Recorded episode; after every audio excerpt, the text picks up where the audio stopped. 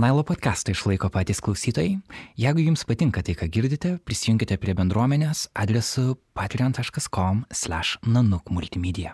Kaip vienas žodis. Šią savaitę prisijungia Eglė, Arūnas ir Astas Lu. Taip pat kviečiame skirti mums 2 procentus savo pajamų mokesčio. Mūsų viešoji įstaiga vadinasi DocMedia. Ačiū visiems prisidedantiems. Gero klausimo. Idėjiškai labai svarbu yra, ką filmai sako mums apie žmonės. Todėl, kad žmonės tiesiog tuo tiki, tai yra produktas medijų, kuris yra sukurtas ir keisti mūsų mąstymą apie dalykus dabar pastaraisiais metais iškyla vėl labai optimistinės e, žinutės fantastikoje. Ar tai būtų tas pats Interstellar, nors Žemėje ragas nuo, nuo ekologinių problemų, kažkaip, kad ir iš pogrindžio ta NASA vis tiek sugeba išskraidinti žmonės kažkur, kažkur kitur ir išgelbėti. Ir NASA mus išgelbės, tai yra super žinia.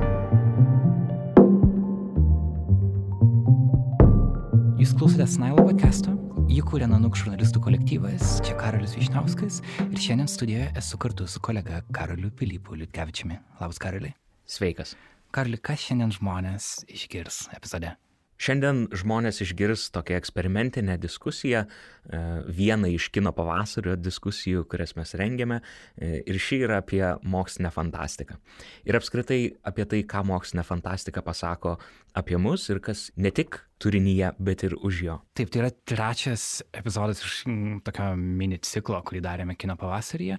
Pirmas buvo, pirmoji diskusija buvo apie lietuvišką kiną, antroji buvo apie juodaodžių kiną ir trečioji yra apie mokslinės fantastikos kiną arba sci-fi kiną. Iš tikrųjų, e, festivalis mums pasiūlė kokią dešimt skirtingų temų, apie ką e, jie galbūt norėtų, kad mes kalbėtumėm ir mes pasirinkome temas, kurios mūsų labiausiai domina. Ir sci-fi buvo ta tema, kurią norėjai pasiimti tu. E, tai yra žanras, kuriuo tu domiesi mintis rengti šią diskusiją man kilo po kelių pokalbių su draugais ir kolegomis, kurių metu pagaudavau juos manant, jog vis dėlto mokslinė fantastika yra išskirtinai eskapistinis žanras kuris skirtas žmonėms norintiems nusikelti į kažkokią kitą galaktiką, atitolti nuo realybės ir dabarties problemų. Tačiau pats asmeniškai aš visą gyvenimą mokslinę fantastiką traktavau kaip būtent galimybę suvokti šiandienos problemas, baimės ir pulsą apskritai. Iš tiesų dabar matau nemažai mokslinės fantastikos pasakojimų, kurie nėra tik blizgus, futuristiški mados pareiškimai, bet drąsiai kalba temomis, kurios jautros, žmogiškos e, ir kartais netgi kūniškos.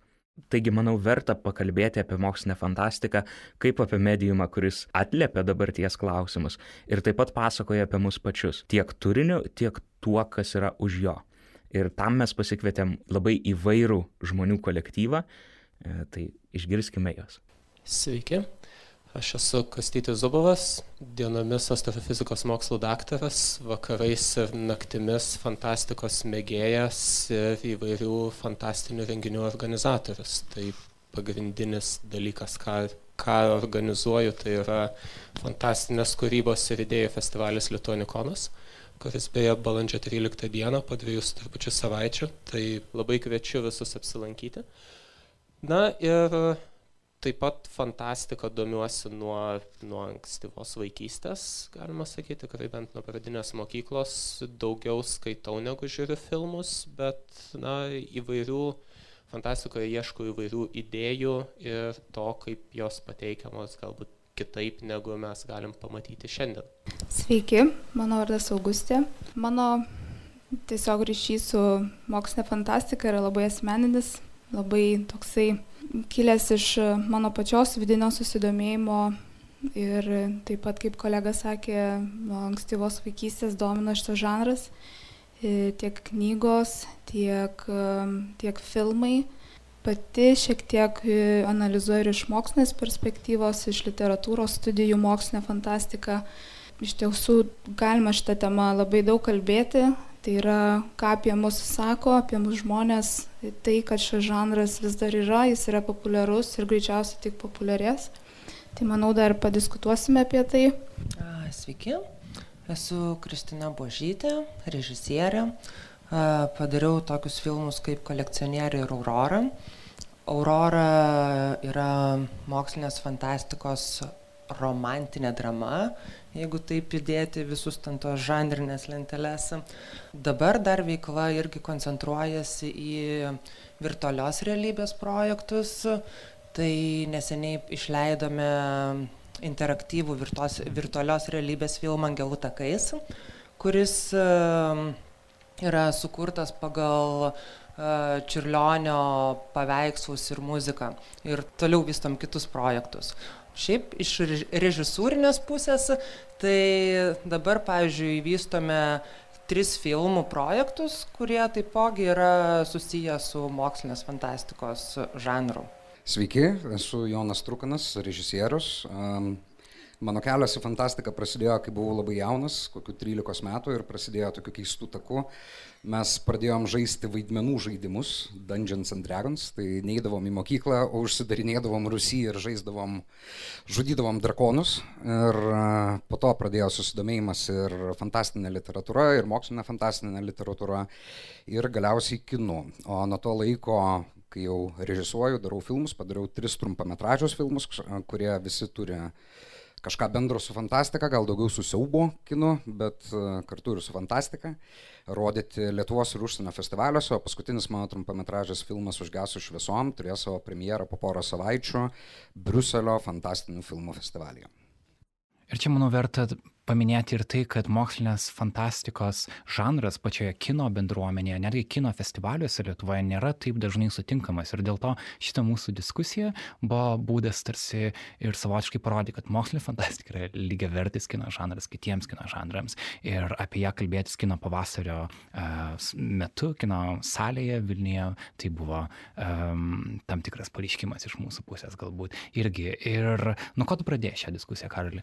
Šią diskusiją pradėjau remdamasis Claire Denis filmu High Life, kuris taip pat buvo rodytas kino pavasaryje. Claire Denis yra prancūzų režisierė, kuri nėra žinoma kaip mokslinės fantastikos režisierė ir čia jos tiek pirmasis mokslinės fantastikos filmas, tiek pirmasis filmas anglų kalba kas yra įdomu. Ir turbūt dėl to, kad tai yra Claire Denis filmas, jisai atsirado kino pavasaryje, o ne dėl to, kad tai yra mokslinės fantastikos filmas. E, tačiau, kad ir kaip ten bebūtų, jis yra labai įdomus. Tuo, kad taip mes čia susėdę galėjom pasikalbėti, kad e, va tai turbūt vienas geriausiai pagal esamus mokslinius duomenis juodąją skylę atkartojančių filmų kartu su Interstellar. Bet man asmeniškai atrodo, kad tai būtų tokio didelio dramblio kambaryje vengimas, nes vis dėlto High Life nėra tik apie kosmosą. E, tai yra filmas, kuris yra be galo kūniškas, be galo žmogiškas.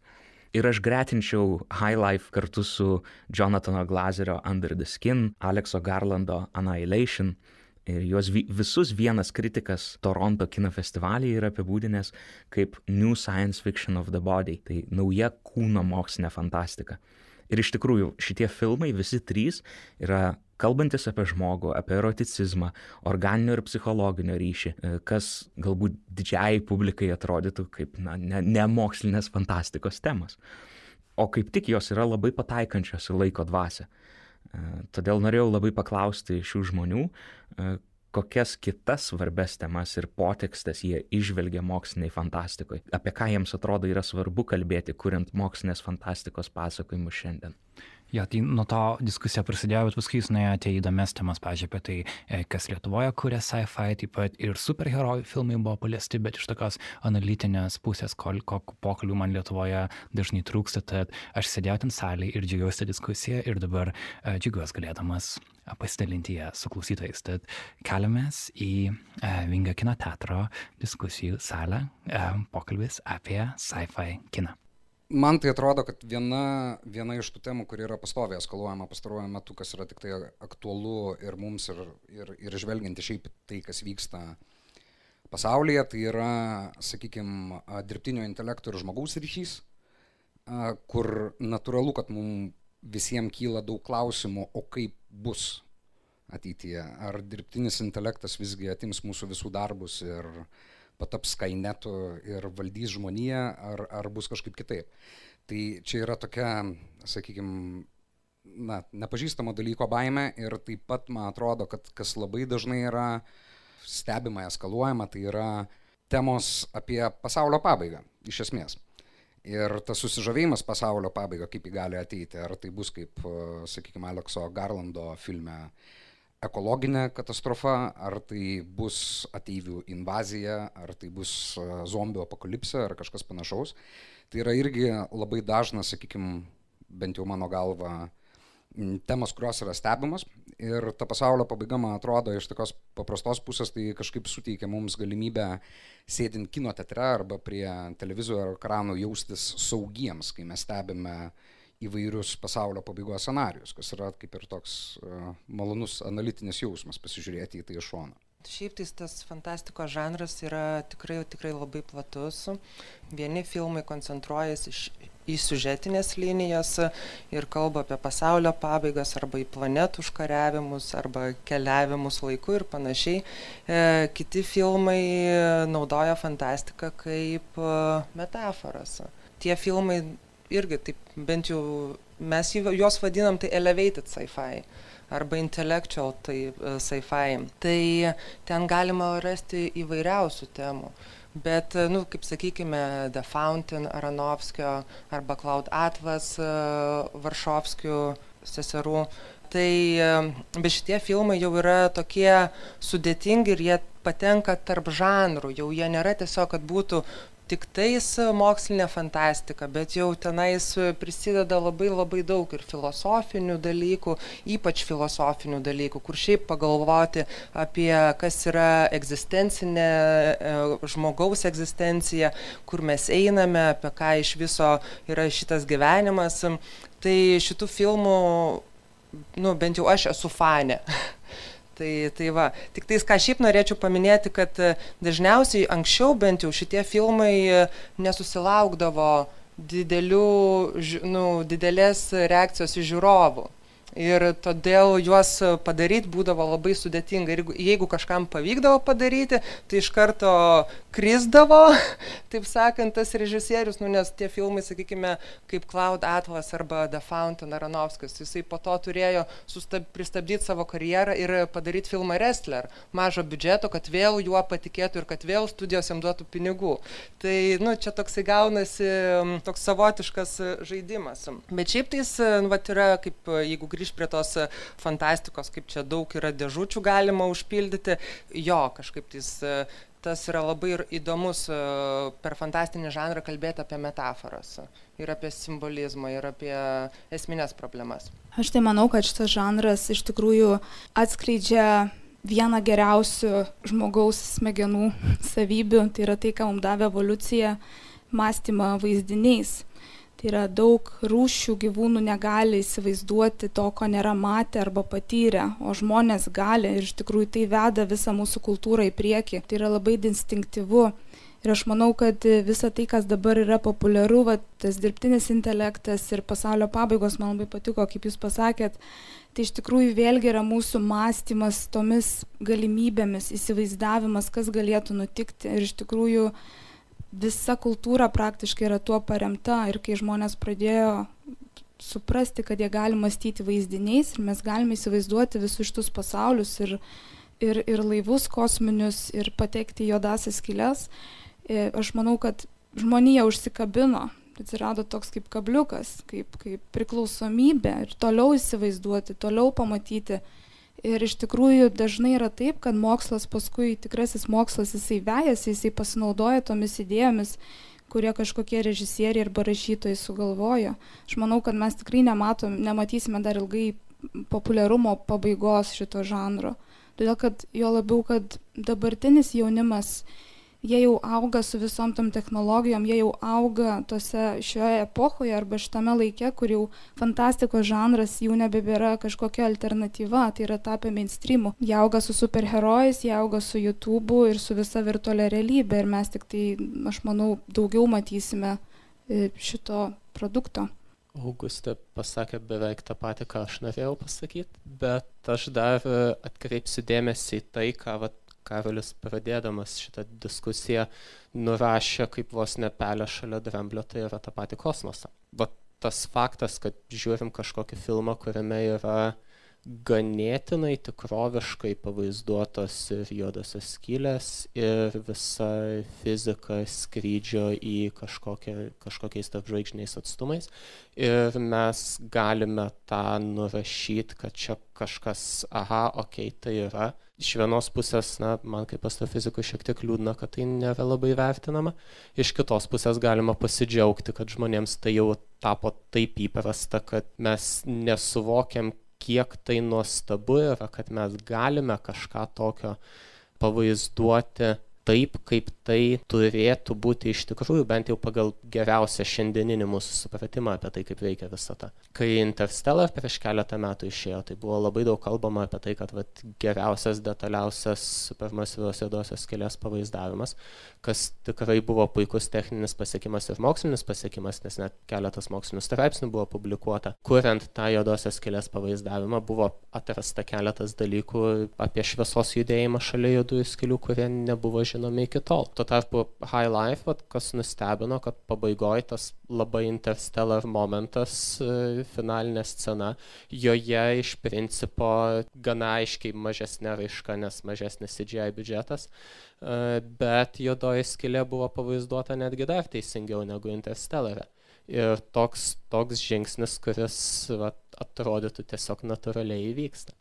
Ir apskritai tai, kad mes apie kosmosą galime kalbėti kaip apie kažkokį įprastą reiškinį, tai yra na, labai džiugu ir man suteikia labai daug optimizmo, nes mokslinė fantastika visais laikais labai atliepia tuometinė visuomenės baimės, viltis ir taip toliau.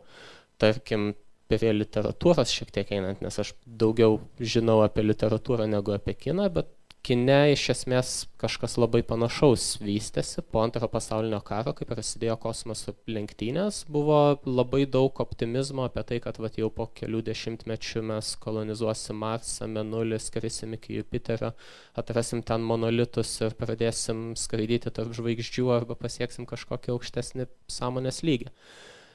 Paskui prasidėjo visokios ekologinės problemos, visokios su kompiuterija ir technologijomis susijusios problemos ir atsirado baimės.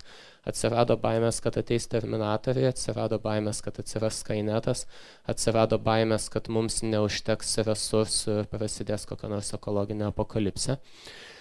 Tai visi tokie dalykai ėmė dominuoti fantastikoje, dabar jų irgi daug yra, bet dabar pastaraisiais metais iškyla vėl labai optimistinės, optimistinės žinutės fantastikoje. Ar tai būtų tas pats Interstellar, nors Žemėje ragas nuo, nuo ekologinių problemų, bet mes turim kažkokią galimybę kažkaip, kad ir iš pogrindžio tą NASA vis tiek sugeba išskraidinti žmonės kažkur, kažkur kitur ir išgelbėti.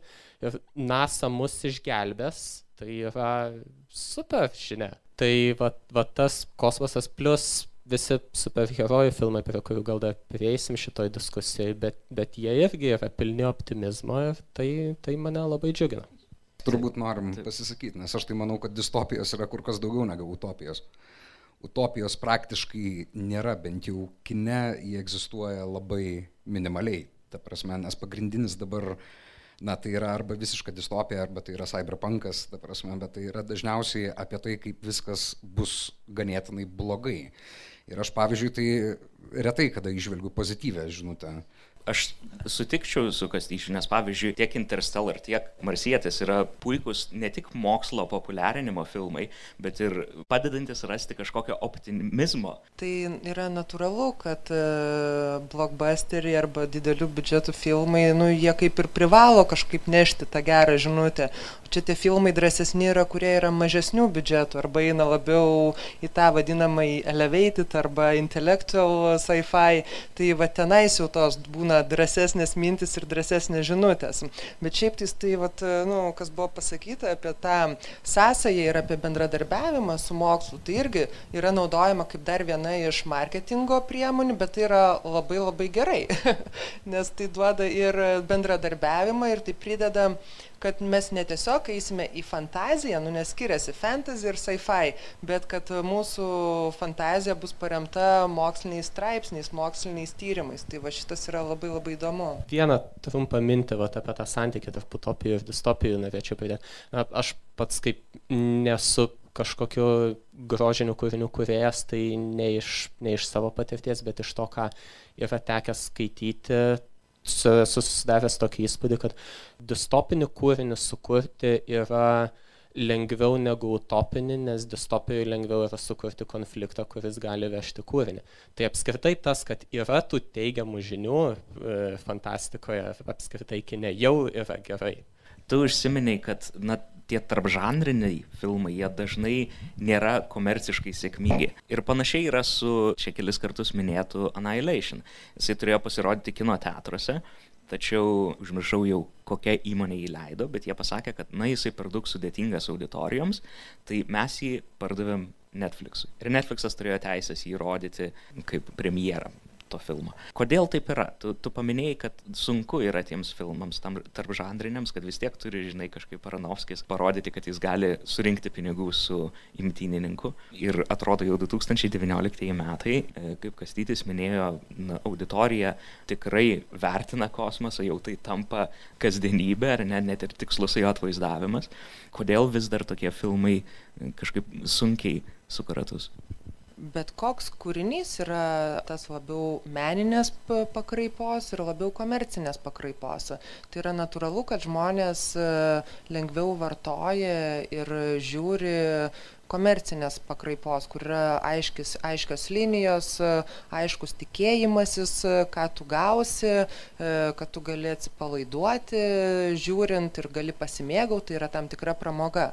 O, vat, sakykime, šitie meninės pakraipos, kur turi didesnį procentą, kurie yra sudėtingesni, turi daugiau sužetinių linijų, daugiau interpretavimų, nu, tai yra jau automatiškai darbas. Ir tokius filmus apskritai, ar čia yra žanrinis, ar ar nežanrinis, tokius filmus yra apskritai sunku, sunkiau žiūrėti. Ir auditorija susirenka specifinį ir jos yra mažiau.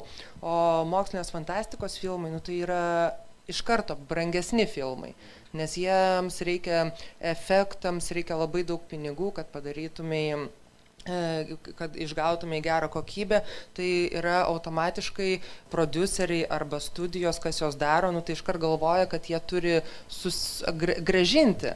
Tai todėl mes ką matome, kad e, yra daromi šitie E, elevated sci-fi filmai, e, bet juose visada pa, pamatysime, kur didesnis biudžetas iš karto žvaigždė. Tai bandoma galvoti, gal žmonės ateis į tą žvaigždę pasižiūrėti, bet tai dar irgi tas toksai auditorijos auginimasis vyksta, nes čia toksai kaip ir lošimas, susirinks ar nesusirinks, tai vad e, nebereikalo. Annihilation buvo atiduotas Netflixui, nes pagalvoju, o jeigu mes nesusirinksime tų pinigų, ką įdėjom ir dar plus daugiau, Tai čia toksai, vat. E, Bet tu režisavai Aurorą. Ir tu atrodo viskas tada buvo prieš tave. Tai yra žanrinis kinas, kurio Lietuvoje yra labai nedaug. Ir čia už vakar vykusioje diskusijoje kažkaip tapo aišku, kad vienintelis žanras čia iki 2012 metų atrodytų Lietuvos kine buvo egzistencializmas. Tu kūrei žanrinį mokslinės fantastikos filmą, kuris turi tokių tarp žanrinių elementų. Neatrodo, kad buvo labai lengva tokį filmą kurti. Ir kodėl tu tada pasirinkai vat, būtent mokslinės fantastikos žanrą tą istorijai papasakoti, kurią norėjai papasakoti? Jokį filmą nėra kurti lengva. tai žanrinis ar nežanrinis yra visada labai sudėtinga, nes biudžetai yra labai labai riboti. O, o, o, o, o taip gavosi tiesiog uh, Aš irgi domiuosi mokslinų nu, fantastika, mokslinė fantastika nuo pat e, jaunų dienų, nuo pat paauglystės ir kažkaip tais, sakykime, tas efektų kelias arba tų įvaizdžių ieškojimo arba kažkokių tokių istorijų e, nuo kasdienybės atsiplėšusių, nu tiesiog jos e, sukasi mano galvoj.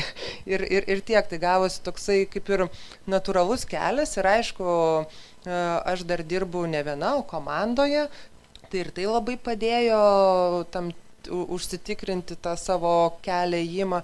Nu, ir tai yra įdomu. Tai, bet šiaip tai jis filmas buvo labai labai sudėtingai padarytas, labai sudėtingai. Ir toliau projektai, kuriuos mes kitus vystom, tai irgi naujas filmas neišėjo, nes e, yra didelės ambicijos ir tai yra labai sunku jas įgyvendinti. Tai vajonai, tu irgi kuri žanrinį kiną. Pasižiūrėjau e, keletą tavo filmų. Man buvo labai malonu jas pamatyti. Aš nežinojau, kad yra kažkas Lietuvoje, kas tą kūrė. Kaip į tavo darbus reaguoja žmonės Lietuvoje, kaip, kaip jie yra priimami. Ir... Vidutiniškai. ne? ne, nu, ta prasme, bet aš nežinau, ar čia yra tiesiogiai ten žanro problema, ar, ar tai yra tai, kad e, ten vis tiek na, mokomės, bandome kurti, bandome mokytis iš savo klaidų, daryti iš naujo, stengtis ir taip toliau ir panašiai.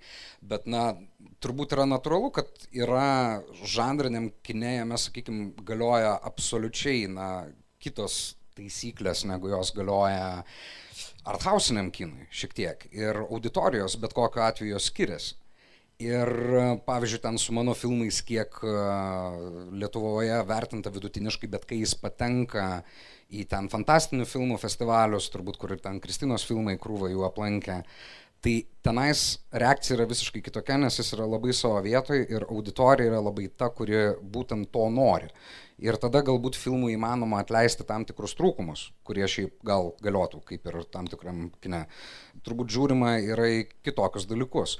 O ten grįžtant prie, prie, prie to, ką Kristina kalbėjo apie biudžetus ir, ir taip toliau, kas liečia, nes tiek fantastinis, tiek siaubo kinas jis retai yra kada įmanomas be CGI, be, be, be vizualių efektų. Tai, pavyzdžiui, dabar mes turime mano paskutinį šortas, kuris jau yra užbaigtas. Mes ten turime personažą monstrą, kuris yra pilnai 3D, jo ten yra filme daug. Tai e, reiškia, 13 minučių filme mes užtrukom metus nes dirbo vienas žmogus, nes neturėjom daugiau pinigėlių. Tai vienišas žmogus leido savo laiką, metus laiko, po truputėlį, po biški darė, po kadriuką, po freimelį tą monstriuką, ta prasme. Ir tai, nu, tai va tiek užtrunka dalykai, nes iš tikrųjų tokius dalykus turbūt darytų studija žmonių, kur būtų 20-30 žmonių, kurie dirba prie to. O mes jau galim leisti dažniausiai, na, vieną žmogų rusy, kuris tai daro. tai vad.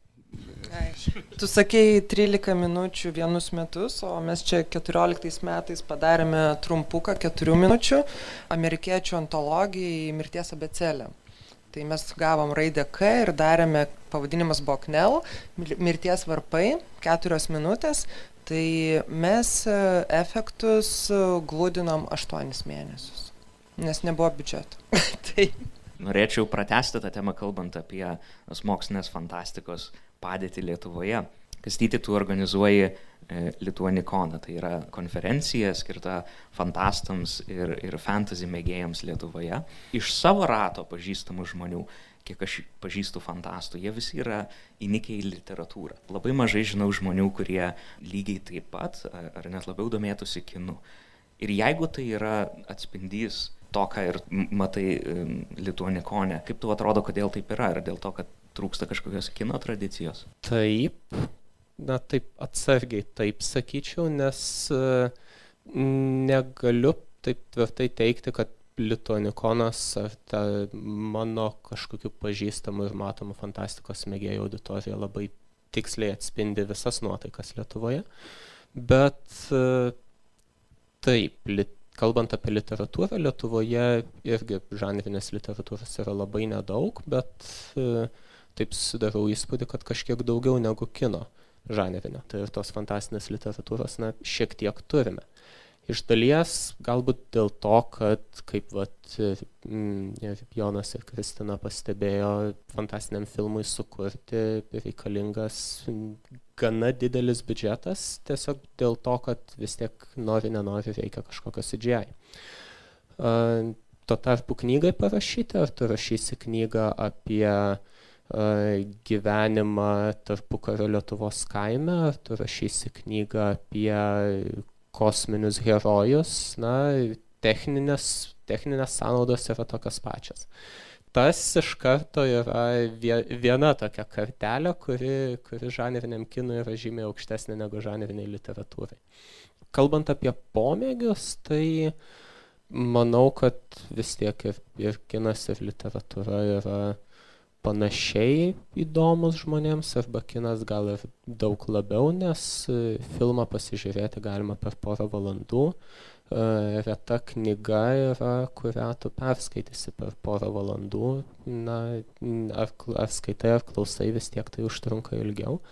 Tai va, kalbant apie laiko sąnaudas, jeigu kalbam jeigu galvojam apie žmogų kuris ir taip turi daug ką veikti ar dirba ar mokosi vis įvairaus laisvalaikio turi ir taip toliau na jo laikas pramogoms yra ribotas tai filmas čia šiuo atveju kaip vartotojui filmas reikalauja mažiau kažkokio dėmesio. Na ne dėmesio mažiau mažiau laiko sąnaudų. Tai iš tos pusės iš iš pomėgio pusės sakyčiau kinas galbūt yra kažkiek populiaresnis. Kalbant apie kūrėjus na vėl vėl grįžtant prie to kiek jų lietuvoje yra tai lituanikone turėjome keletą kartų susitikimus su lietuviais rašytojais fantastais nes tokių vis yra susitikimų su kino kūrėjais fantastais. Kol kas neturėjome va tiktai prieš porą metų kristina su tuo pačiu angelų takais su tuo projektu buvo lituanikone demonstravo jį bet na tai buvo e, viena iš interaktyvių veiklų. Tuo tarpu kino kūrėjų na iki šiol net nelabai žinojome kokių kokių jų yra. Va dabar žinau kad jonas kuria fantastinį kiną irgi tai tai bandysim pakviest kitais metais. Iš kitos pusės na vat apie tas karteles irgi kalbant dar kasmet prieš lituanikoną rengiame konkursus. Įprastai tai būna literatūros ir fotografijos arba piešinių konkursai bet vieną kartą prieš porą metų tikrai bandėme ir kino konkursą padaryti. Tai yra labai trumpametražį filmuką nufilmuokit. Na į literatūros konkursą gauname apie keturiasdešimt darbų per kelis mėnesius į kino konkursą per pusę metų gauname gal tris darbus. Tai tai vat irgi kažkiek tokia statistika parodo kaip kiek yra lengviau parašyti kažką negu nufilmuoti kažką ką jau pats nebijotum siųsti į kokį nors konkursą. Kitas dalykas, kuris man įdomus, yra kažkoks stereotipas, kuris visgi supa fantastus, nes aš pats uh, atėjęs esu iš video žaidimų kultūros, pradėjau rašyti video žaidimų recenzijas, taip prasidėjo mano žurnalisto karjera. Tai aš e, irgi turėjau dažnai atmušinėti tam tikrus stereotipus. Ir vat, neseniai aš kalbėjau su vienu iš Gaimon konferencijos organizatorių ir jis man papasakojo, kad na labai sunku prisikviesti senuosius žaidėjus. Jų yra labai daug, tie, kurie žaidžia ten senus žaidimus. E, jie tikrai padėtų konstruoti kažkokią kultūrinę terpę, e, bet jie visi kažkodėl ne, nesusibūrė į bendruomenę, jiems trūksta bendruomeniškumo. Ir net tokie projektai kaip e, simfoninis žaidimų garso takelių atlikimas ne, nepritraukia jų visiškai. Ir aš norėjau paklausti, ar yra kažkokių panašumų tame, e, nes tu prieš prasidedant šiai diskusijai minėjai, kad taip mes bandėme į Kauną perkelti, e, surenkti kelis renginius, bet ten nesusirinko kritinė masė, nes dešimt žmonių tik tai ateidavo. E, ir atrodo, kad na, reikia prisijaukinti galbūt to žmonės, ar, ar nėra taip? Kažkiek, kažkiek žinoma, taip, reikia, reikia jaukintis auditoriją. Uh, tiesa čia pastebėsiu kad na tie tie renginiai ką mes darėm kaune tai jų analogai vilniuje sulaukdavo kokių taip trisdešimties žmonių kaune na dešimt ir mažiau. Tai santykis na kažkiek panašus į į gyventojų santykį vilniaus ir kauno bet bet vis tiek truputį kauno nenaudai. Į lituanikoną susirenka na kokie penki šeši šimtai žmonių ateina apsilanko. Jeigu vyktų jeigu mes jį rengtume kaune na greičiausiai būtų kažkiek mažiau, nes ne visi Vilniečiai norėtų važiuoti į, į Kauną į kažkokį vienos dienos renginį, o, o kauniečiai tą kompensuotų, tai na, geras klausimas. Dėl to uždarumo kažkokio, na, aš atsimenu, kad aš irgi gana gana anksti paauglystėje pradėjau žaisti daug kompiuterinių žaidimų ir man ir tada labai patiko ir dabar vis dar patinka būtent tas tam tikrą prasme skapizmas juose, kad tai yra, tai yra galimybė atsijungti nuo, nuo visokių rūpeščių, kurie, kurie mane supa, kuriuos na, kažkada reikės išspręsti, bet dabar galiu nuo jų pailsėti. Ir manau, kad nemažai žmonių yra, kurie fantastiką domisi, skaito, žiūri, žaidžia būtent dėl to. O tokie žmonės, na, vėlgi kažkiek projektuoju iš savęs, na, man tam, kad aš kažko džiaugčiausi kažkokiu va, žaidimu, man tikrai nereikia bendravimo su kitais žmonėmis. Bendravimą ir visą tą fantastikos veiklą, kurią vykdau, ji tikrai nėra per, per žaidimų plotmę. Uh, taigi seni žaidėjai gali būti, kad jiems tiesiog na, nėra poreikio į kažkokius renginius eiti ar, ar bendrauti ar diskutuoti, labiau kiek jie nori pabendrauti, padiskutuoti, labai lengvai tą internete gali pasiekti.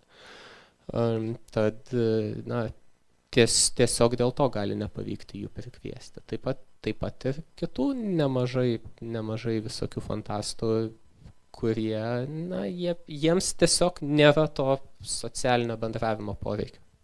Kino festivaliai, fantastiniai festivaliai, mm. nu tai tenais yra visiškai kitas uh, eventas, kitas renginys, nes jie yra um, smagus, ten tu tikrai e, gerai leidi laiką, tenai susirenka tokie išpratėję žmonės, auditorija yra truputėlį kitokia, yra apskritai skirtinga atmosfera negu, sakykime, klasikiniuose festivaliuose.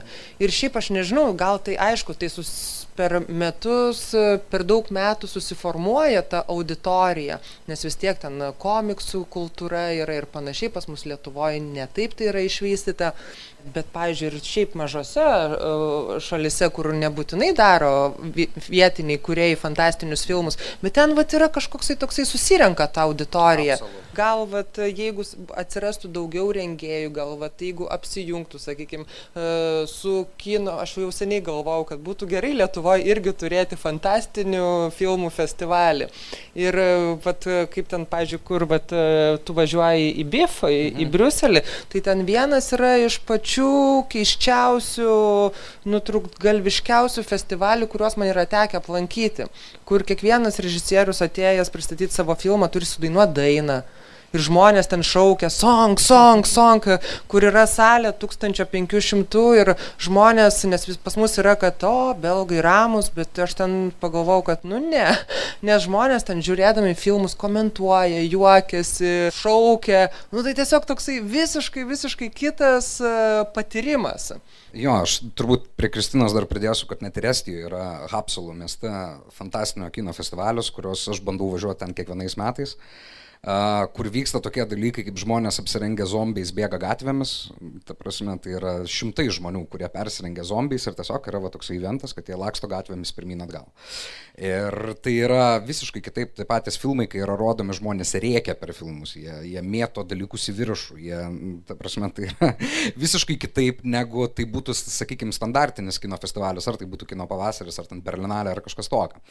O prie Kastyčio ir šiaip prie tavo klausimo, kas buvo prieš tai, tai man atrodo, kad na, tas fandomas, jis šiaip Lietuvoje yra gyvas. Ta prasme, mes turime labai daug dalykų, kurių, mm, nes tai nėra tik tai kinas, tik tai lituanikonas, tik tai dar kažkas, tai yra kur kas daugiau. Tai yra žmonės, kurie užsiema larpais arba persirengia elfais ir karaliais mušasi miškuose. Prieš dešimt metų kokius šimtą žmonių Vilniuje kiekvieną ža dieną žaisdavo tokį žaidimą, kad mes būdavom vampyrai. Ir kai sutemsta, mes visi apsimetinėdavom vampyrais ir vaikščiodavom po Vilnių ir žudydavom, šimtą žmonių žaisdavom vienu metu. Ir taip pat tai yra ir board gamingas, kas dabar yra žiauriai populiaru, daug žmonių to užsiema. Ir pavyzdžiui, net ir tie renginiai, kurie vyksta ten tiek Gaimonas, tiek Komikonas, jie pritraukia vis daugiau ir daugiau žmonių žmonių. Tai ta bendrai kultūra gal ji nėra centralizuota, ta prasme, nėra kažkokio vieno dalyko, kas viską vienyje, bet žmonių, kurie tuo domisi, yra krūva. Truputėlį palėtėm tą temą, aš paliečiau to klausimų stereotipų, ar ne? Ir kita tema, kuri man atrodo labai svarbi, yra e, pakalbėti apie moteris mokslinėje fantastikoje. Kad ir per tą patį High Life Sensą prieš jį, prieš rodant filmą, mergina iš kino pavasario atėjo jį pristatyti ir vidury jos pristatymo kažkas pradėjo garsiai ploti, o po to aš iš kažkur išgirdau tokį bairį, kažkas pasakė, va, ploja, nes moteris kalba apie sci-fi. Ir vis dėlto yra kažkoks stereotipas, vadinasi, apie, apie maskulinišką sci-fi. Ir Augustė, tu tyrei Ursula Legin, 70-aisiais e, pradėjusi rašyti amerikiečių mokslinės fantastikos rašytoja, kuri nevengė feminizmo, kuri nevengė vengia politikos. Ką tu išvelgi apie stereotipus mokslinėje fantastikoje ir e, kas padeda juos keisti? Na, keisti tai ir pradeda visos tos moterys rašytojos, kurios, kaip sakant, įsivėlė į šitą žanrą, jisai tai buvo laikomas tradiciškai labai vyrišku, tačiau tai yra netiesa. Moterų yra daugelį labai sričių, tik mes per mažai ieškome jų tenai. Ir e, turėkime omeny, kad viena iš pirmųjų mokslinės fantastikos knygų, Frankensteinas, buvo parašyta moters taip pat. Dėl tam tikrų institucinių ir struktūrinių, tarkim, diskriminacijų moteris ne visą laiką galėjo išsileisti savo knygas. Ir taip pat, jeigu uh, skaitytojai būtų, la, tarkim, yra labiau skeptiškai nusteikę moterų rašytojų atveju, jie taip pat galbūt mažiau domėtųsi. Uh, Uršula Legin yra ta rašytoja, kuri mane iš tikrųjų ir įtraukė visiškai į, į, šitą žanrą. Aš susidūriau studijuodama politinės utopijas kadangi šitame politinių būtent utopijų žanre mokslinė fantastika yra labai dažnas svečias, ypatingai utopijų, distopijų. Jos knygą skaičiau The Dispossessed. Ir iki pat dabar tai yra mano viena mylimiausių knygų, iš jos aš esu parašęs du akademinius darbus. Tai yra tokia knyga, kuri iš tikrųjų yra labai politiška ir pakankamai feministiška, nors pati rašytoja ir, ir kitos tuometinės 70-ųjų rašytojos jos atsargiai save laikė arba atsargiai vertino šitą terminą. Ir jos pačios šitos rašytojos santykis jos karjeros eigoje nuolatos keitėsi, iš pradžių sakė, kad aš nesu, paskui jinai sakė, kad aš esu feministė, bet daugelį jos e, knygų tikrai yra dekonstruojamos ir lyčių normos, ir lyčių vaidmenys, ir lyčių stereotipai. Ir jos mokslinė fantastika, ypač ta knyga Dispossessed, jinai tarkim yra pavadinta The Ambiguous Utopia, reiškia, jinai tokia yra dviprasmiška. Aš nežinau, ar kas nors esat skaitę iš auditorijos šią knygą. Tai yra iš tikrųjų viena geriausių knygų, kurie labai gerai pavaizduoja, kiek komplikuota gali būti žmonių realybė, ten nenoriu labai spoilinti, tiesiog yra du pasauliai - anarchistinis ir kapitalistinis ir kaip jie tarpusavėje sąveikauja. Ir anarchistiniam pasaulyje yra pasiekta visiška lyčių lygybė. Panaši, e, panaši tema yra vystoma Joanos Ruso knygoje The Female Man e, kur taip pat yra mokslo ir technologijų pagalba pasiekta lyčių lygybė. E, panašios temos yra taip pat e, analizuojamos e, Margie Pierce knygoje Women at the Edge of Time. Aš sakau angliškai, nes nėra tiesiog versta į lietuvių kalbą. Toje knygoje taip pat yra utopinė, per brūkšnelį distopinė realybė, utopinė yra ateities, pasiekta technologijomis ir mokslo pažanga. Ir daug yra kitų rašytojų, kurios paliečia šitą temą, tiesiog e, nesulaukia jos daug dėmesio, tarkim, bet nėra lietu, versta į lietuvių kalbą net. Ir, e, tačiau aš manau, kad ilgainiui galbūt netgi ir kinas e, pradės labiau adaptuoti šitas istorijas. Aš manau, kad, tarkim, Vedisposest knyga tikrai galėtų būti verta ekranizacijos, ypač su dabartiniais CGI galimybėmis. Stereotipais galbūt nereikėtų vadovautis, aš manau, kad tikrai jeigu paieškosime moterų, jų yra visose srityse Tiesiog reikia tuo domėtis ir be abejo, ką galime mes padaryti mainstreamu. Kažkokie autoriai iškyla kaip mainstreaminiai, tuo metu gauna daugiau populiarumo, o su moterimis taip rečiau dėja atsitinka. Tačiau jos tikrai yra ir jos rašo labai gerą literatūrą. Ta pati Ursula Legin ir kitos yra laimėjusios ir Hugo apdovanojimus, ir Nebula apdovanojimus. Ir, ir vis dar laimi moteris rašytas ir po 2000 metų. Nu, aš manau, kad Lietuvoje tiesiog nėra daug tos auditorijos, kas tuo domėtųsi. Galbūt galime mes kažką sugalvoti su kastyčiu kad daugiau domėtųsi žmonės. O dabartinis kinas, aš manau, kad arba dabartinė literatūra taip pat pamažu dekonstruoja tos vaidmenis ir tas rolės. Ir iš tiesų matome daugiau tokių filmų, kur moteris yra mokslininkės, keliautojos ir aktyviai tam pačiam Annihilation filme vien moteris apskritai veikėjas iš principo yra. Tai aš manau, tos ribos po truputį yra plečiamos ir tie stereotipai yra laužomi. Aš manau, kad tai yra tik tai gera. Vienas iš renginių, ką aš organizuoju, tai mes su draugais turime tokį fantastinių knygų klubą. Susitinkam kartą per mėnesį ir kaip tik vakar vat, buvo mūsų susitikimas, kuriame aptarinėjome Ursulos Legvin knygą Kairioji tamsos ranka, irgi viena iš jos mokslinės fantastikos knygų, kurioje taip pat vat, daug, daug tų temų, kurias Augustė minėjo, tarp jų ir lyčių rolės per tai, kad tos knygos veiksmas vyksta pasaulyje, kuriame e, visi žmonės yra beveik visą laiką belyčiai. Jiems tik tai kartais išriškėja vyriškos, vyriški arba moteriški bruožai, kad galėtų daugintis, bet šiaip nėra lyčių, vadinasi, kažkokiu būdu na, negali būti ir kažkokių lytinių stereotipų. Ką aš norėjau pridėti šiek tiek, tai vat, visiškai pritariu, kad stereotipai, būtent stereotipai yra žalingi ir jie žalingi labai tuo yra, kad jie stabdo tuos, tuos žmonės, prieš kuriuos jie yra nukreipti. Kuo labiau kartojamas stereotipas, kad vat, moteriams fantastikoje ne vieta ar moteriams mokslinė ne vieta, tuo daugiau moterų irgi tuo patikė ir tas yra labai negerai. Tuo tarpu nesakyčiau, kad visi mokslininkai ar visi fantastikos fanai, bet manau, kad didesnė jų dalis negu bendrai dalis žmonių visuomenėje, jie puikiai priima moteris ar ir ne tik moteris, ir įvairias e, mažumas ir šiaip e, jie tiesiog žmonės priima kaip žmonės ir jų kūrybą ar darbą priima būtent nesėdami jų su tais, e, su tom visokiom etiketėm, kurias galime tiems žmonėms užkabinti.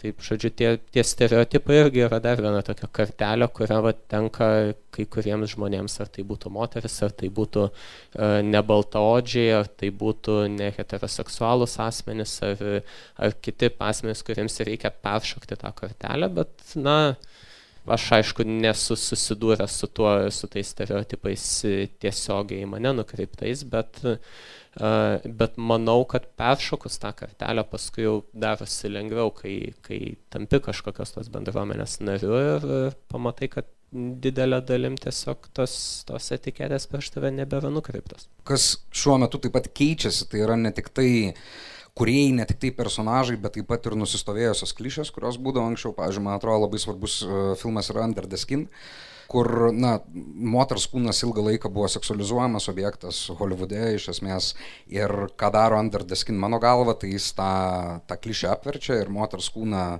iš esmės jis paverčia grėsme kas irgi yra na, labai įdomu ir, ir, ir keičiasi tas seksualizavimas, supratimas ir annihilation, visos taip pat pagrindiniai personažai yra moteris mokslininkas ir vyrų ten praktiškai nėra, tai vat, man atrodo dabar mes gyvename tame laike, kai keičiasi ne tik tai, ne tik tai požiūris na, į moteris moksliniai fantastikui, bet taip pat ir nusistovėjusios klišės. Papildant Augustą, aš vat, irgi džiaugiuosi, kad ir į mainstreamą patenka tie dalykai, kad net jeigu pasižiūrėsime į komiksų filmus ir ekranizacijas, kad pavyzdžiui Black Panther.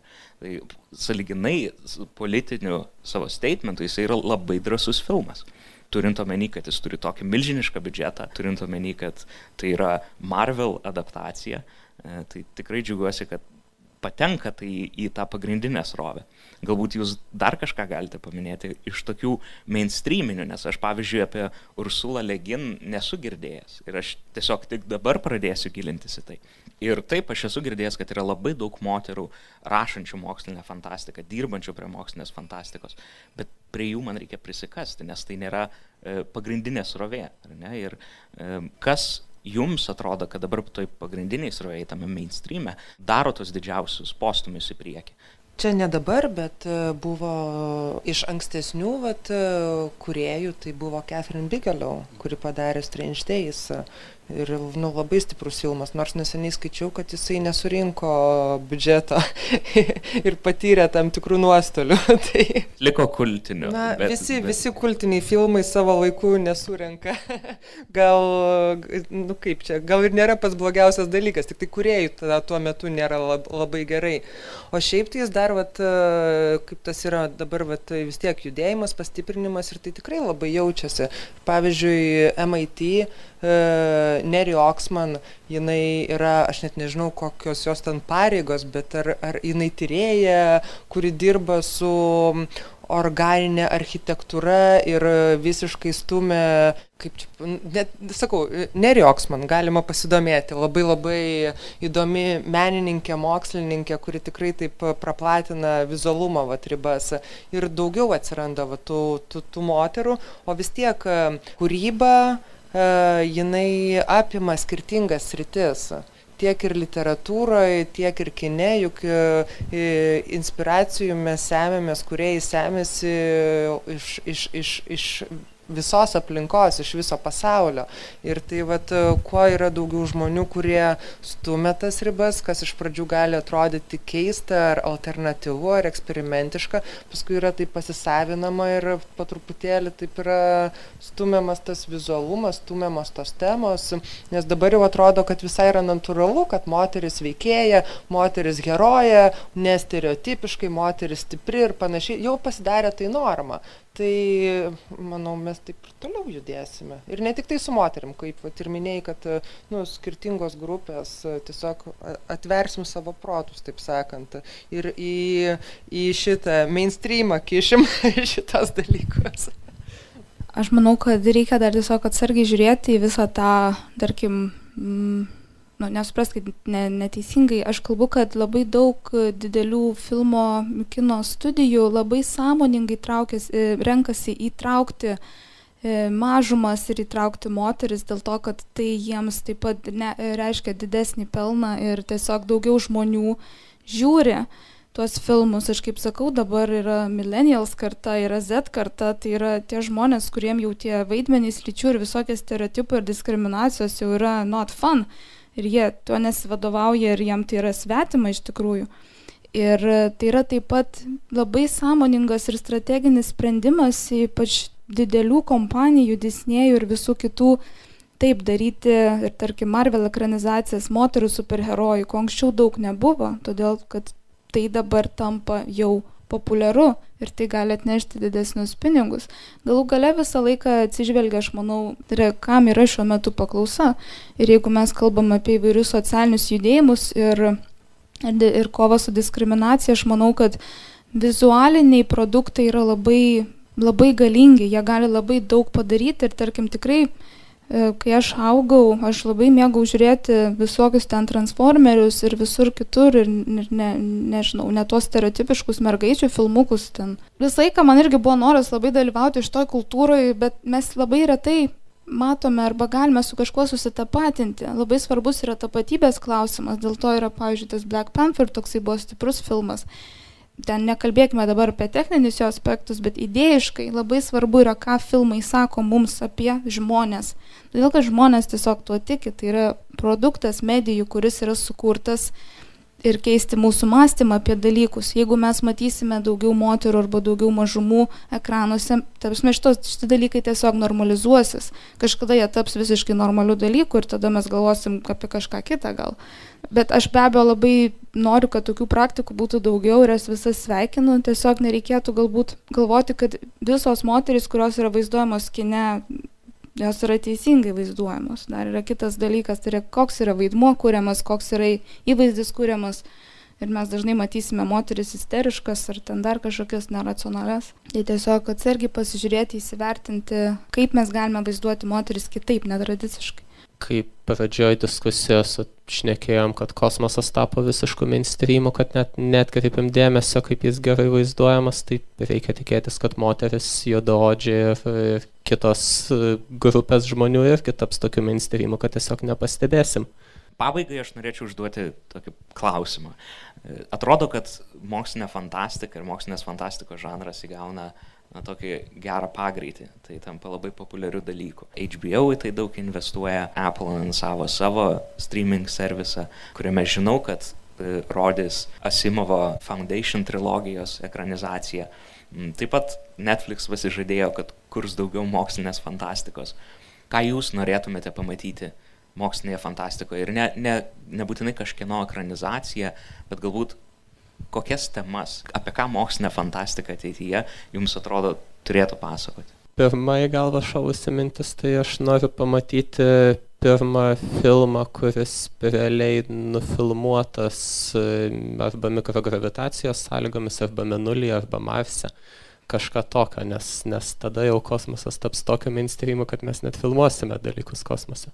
Aš norėčiau galbūt pamatyti, ką galėtų teigiamo pasiekti mokslo ir inovacijų pažanga, nes dabar daugelis filmų labai balansuoja ant tos ribos, kad mes e, apskritai kuria galbūt neteisingą mokslo įvaizdį, tai kad mes einame link kažkokios katastrofos, susinaikinsim, čia prisiklonuosim, genetiškai modifikuosim viską ir, ir panašiai.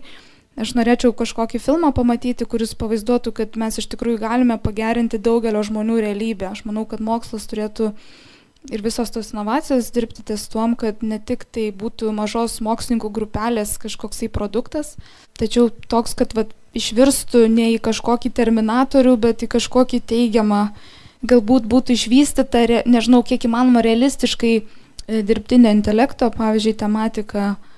Tai yra, kad irgi tai nėra kažkokia galbūt grėsmė, nors taip kaip mes įsivaizduojame dirbtinį intelektą, ir toks, koks yra žmogaus intelektas, tai yra sunku vis dar pasiekti, aš manau, laboratorijose. Vis dėlto žmogaus smegenys yra vis tiek pats galingiausias kompiuteris, kada nors egzistavęs kol kas. Ir, ir daugiau tiesiog galbūt tokio pozityvo, nors aš manau, kad ir, ir literatūra, ir kinas, ir kaip sakėm, galbūt ir sutinkam, kad yra galbūt daug lengviau pavaizduoti įvairias katastrofas, ypač ekologinės. Mm, tarkim, ta pati knyga On the Road arba Ekotopija. Tačiau galbūt galime ir pozityvaus kažką sukurti mes kaip kuriejai?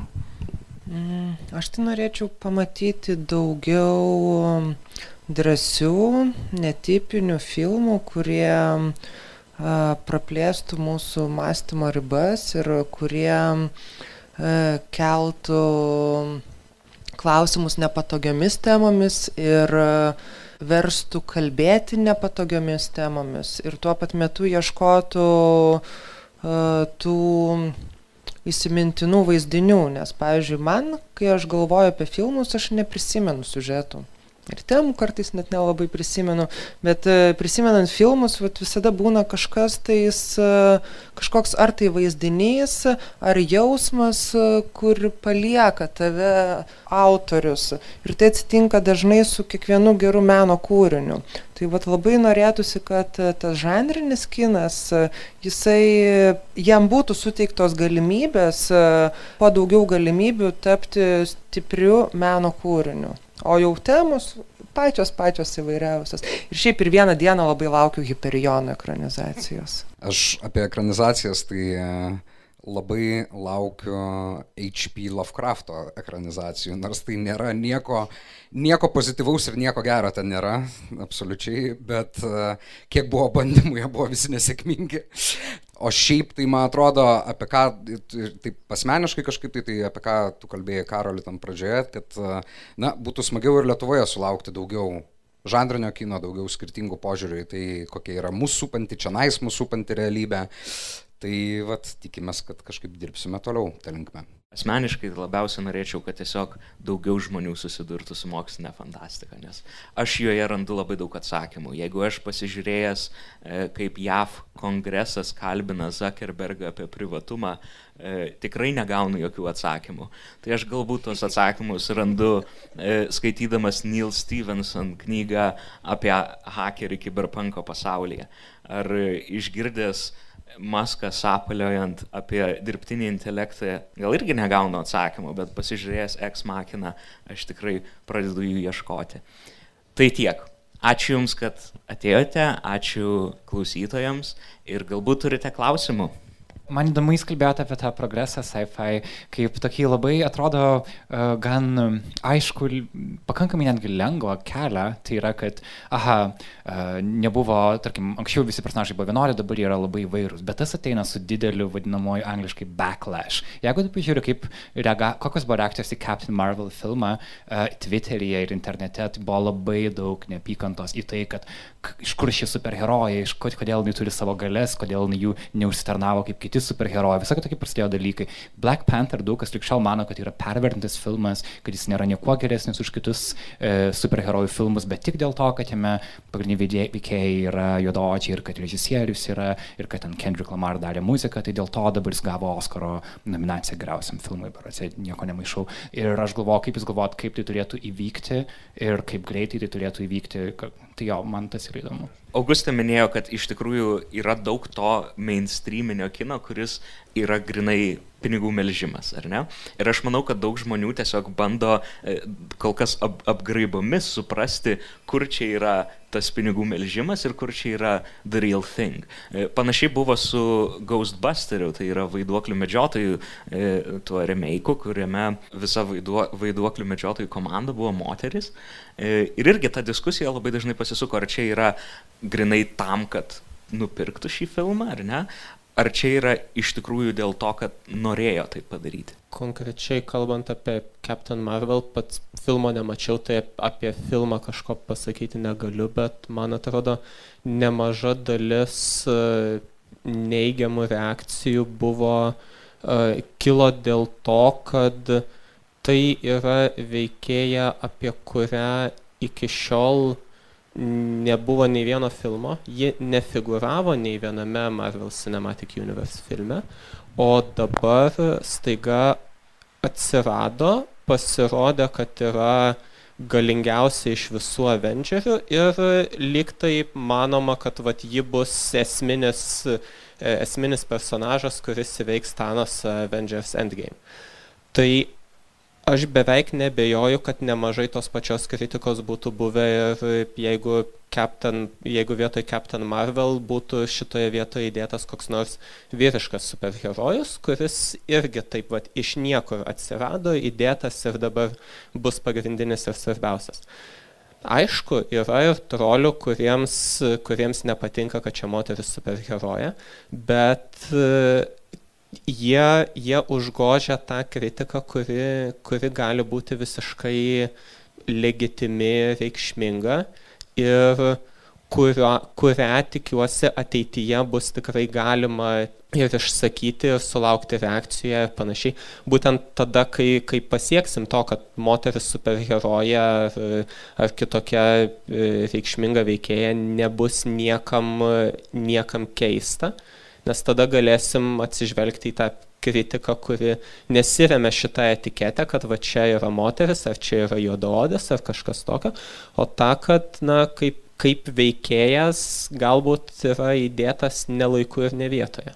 Aš manau, kad e, dalis polimo susijusio su Captain Marvel yra tikrai seksistinis ir kadangi internetas buvo pilnas memų, kad jos užpakalis yra plokštesnis negu Tom Holland užpakalis, kuris vadina Spider-Maną, ir lyginamės ir maždaug, o kodėl mes gavom tokią vat, moterį, vat, neseksualią, kuri vaidins superheroję.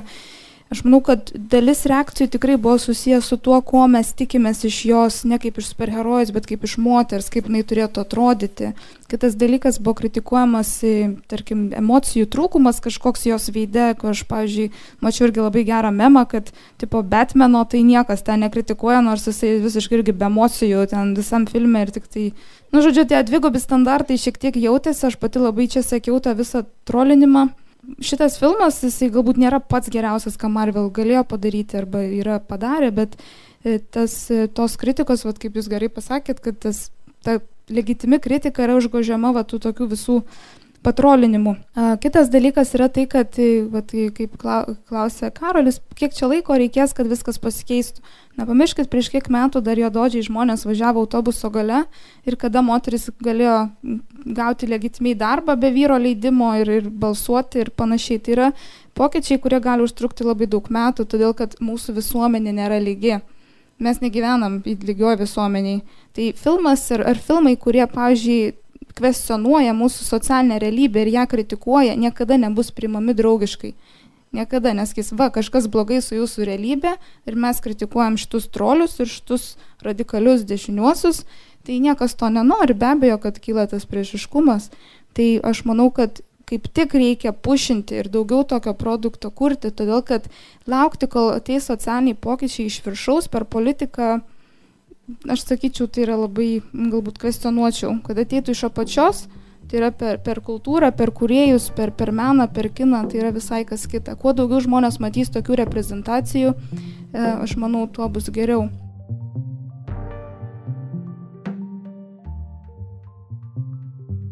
Super, ačiū Karoliu, man buvo labai įdomu klausyti šios diskusijos ir nieko nedirbti ir tiesiog būti klausytoju. Geras jausmas.